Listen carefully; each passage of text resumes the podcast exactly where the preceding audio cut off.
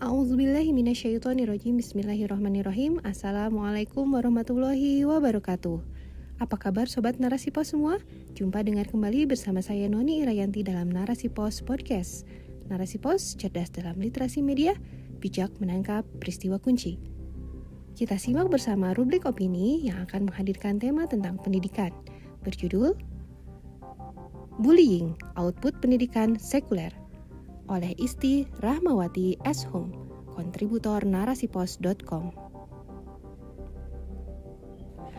Berbagai program pembentukan karakter jika tidak dibarengi dengan pendekatan agama akan gagal, apalagi jika agama itu sengaja dijauhkan akan lebih membahayakan. Selengkapnya.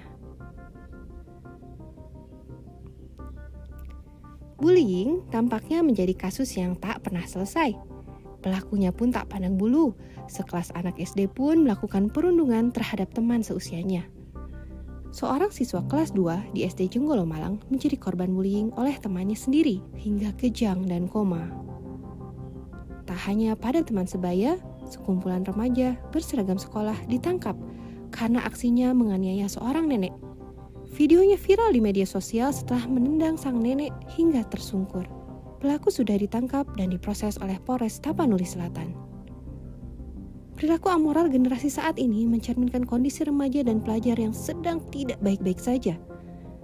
Kita perhatikan, banyak dari mereka yang terbiasa mengumpat dengan kata-kata kasar, bahkan tak segan untuk melawan guru hingga orang tua. Mereka pun tak takut melakukan perundungan atau bullying. Tak hanya itu, mereka tak segan melakukan tindak kriminal seperti tawuran, pembegalan, pencurian, dan pembunuhan. Dilansir dari laman Direktorat Kemendikbud Ristek, berdasarkan data dari KPAI, kasus perundungan terhadap pelajar paling banyak dialami oleh siswa sekolah dasar. Miris bukan?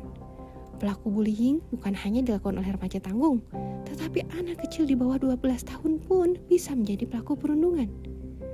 Kejadian bullying yang terus berulang dan makin parah menunjukkan cederanya dunia pendidikan dan lingkungan sosial generasi kita. Buah sistem pendidikan sekuler. Krisis moral anak bangsa saat ini adalah buah sistem pendidikan. Dunia pendidikan lebih mementingkan pada output seperti prestasi akademik, berorientasi pada lapangan kerja, bukan demi pembentukan karakter dan kepribadian Islam. Penanaman nilai-nilai luhur, keagamaan di sekolah maupun di kampus pun amat minim pembentukan pelajar berkarakter pun seolah tak boleh diidentikan dengan karakter Islam. Upaya menjauhkan aspek agama dari pendidikan tergambar dalam peta jalan pendidikan 2020-2035 yang digagas dan tengah digodok Kemendikbud. Di dalam draft tersebut, frasa agama dihilangkan. Akhirnya draft tersebut mendapat banyak kritikan dari berbagai pihak. Tak hanya itu, Tampak juga dalam surat keputusan bersama SKB 3 Menteri yang mengatur penggunaan jilbab yang isinya melarang jilbab di lingkungan sekolah. Meski akhirnya SKB tersebut dibatalkan, pengawasan yang ketat pada penggunaan jilbab sangat kentara. Padahal fondasi agama adalah aspek yang paling penting dalam kehidupan. Berbagai program pembentukan karakter jika tidak dibarengi dengan pendekatan agama akan gagal. Apalagi jika agama itu sengaja dijauhkan akan lebih membahayakan. Alhasil, pendidikan sekuler saat ini terbukti telah gagal melahirkan pelajar yang soleh dan bertakwa dan sekaligus mampu menjawab tantangan zaman. Selain pendidikan, lingkungan sosial masyarakat juga ikut andil dalam masalah bullying ini. Bagaimana tidak? Perilaku bullying yang terjadi di sekolah maupun di kampus seharusnya sudah disadari sejak awal. Ide kebebasan telah membuat sekat antar individu untuk saling menasehati.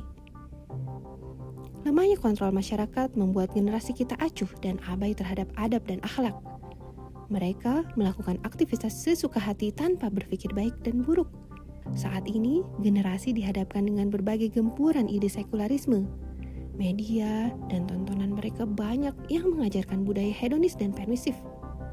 Pergaulan mereka pun jauh dari nilai-nilai Islam. Dengan modal gadget dan kuota, pelajar bahkan anak SD bisa berselancar di dunia maya dengan bebas. Pendidikan Islam mencetak generasi gemilang. Islam bukanlah agama ritual yang hanya mengatur urusan privat saja. Islam adalah agama yang mengatur seluruh aspek kehidupan. Aturan-aturan itulah yang mampu mengarahkan manusia hingga mampu mencetak generasi gemilang.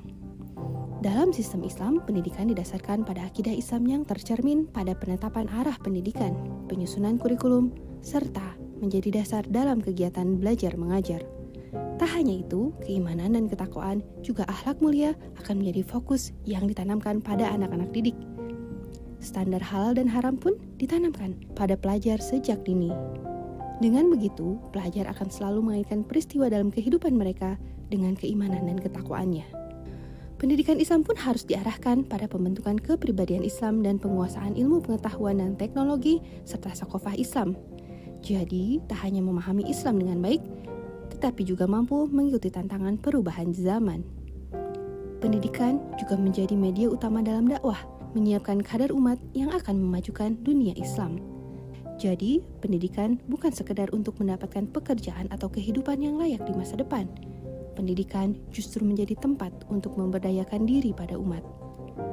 Di era penerapan Islam secara kafah, khilafah menyediakan fasilitas yang dibutuhkan. Kurikulumnya menjadi standar yang diawasi penuh oleh negara untuk sekolah negeri maupun swasta. Yang paling utama, negara memastikan sakofah Islam menjadi sakofah yang digunakan setiap sekolah. Hilafah memutus berbagai upaya penyebaran sakofah barat yang berusaha merusak anak.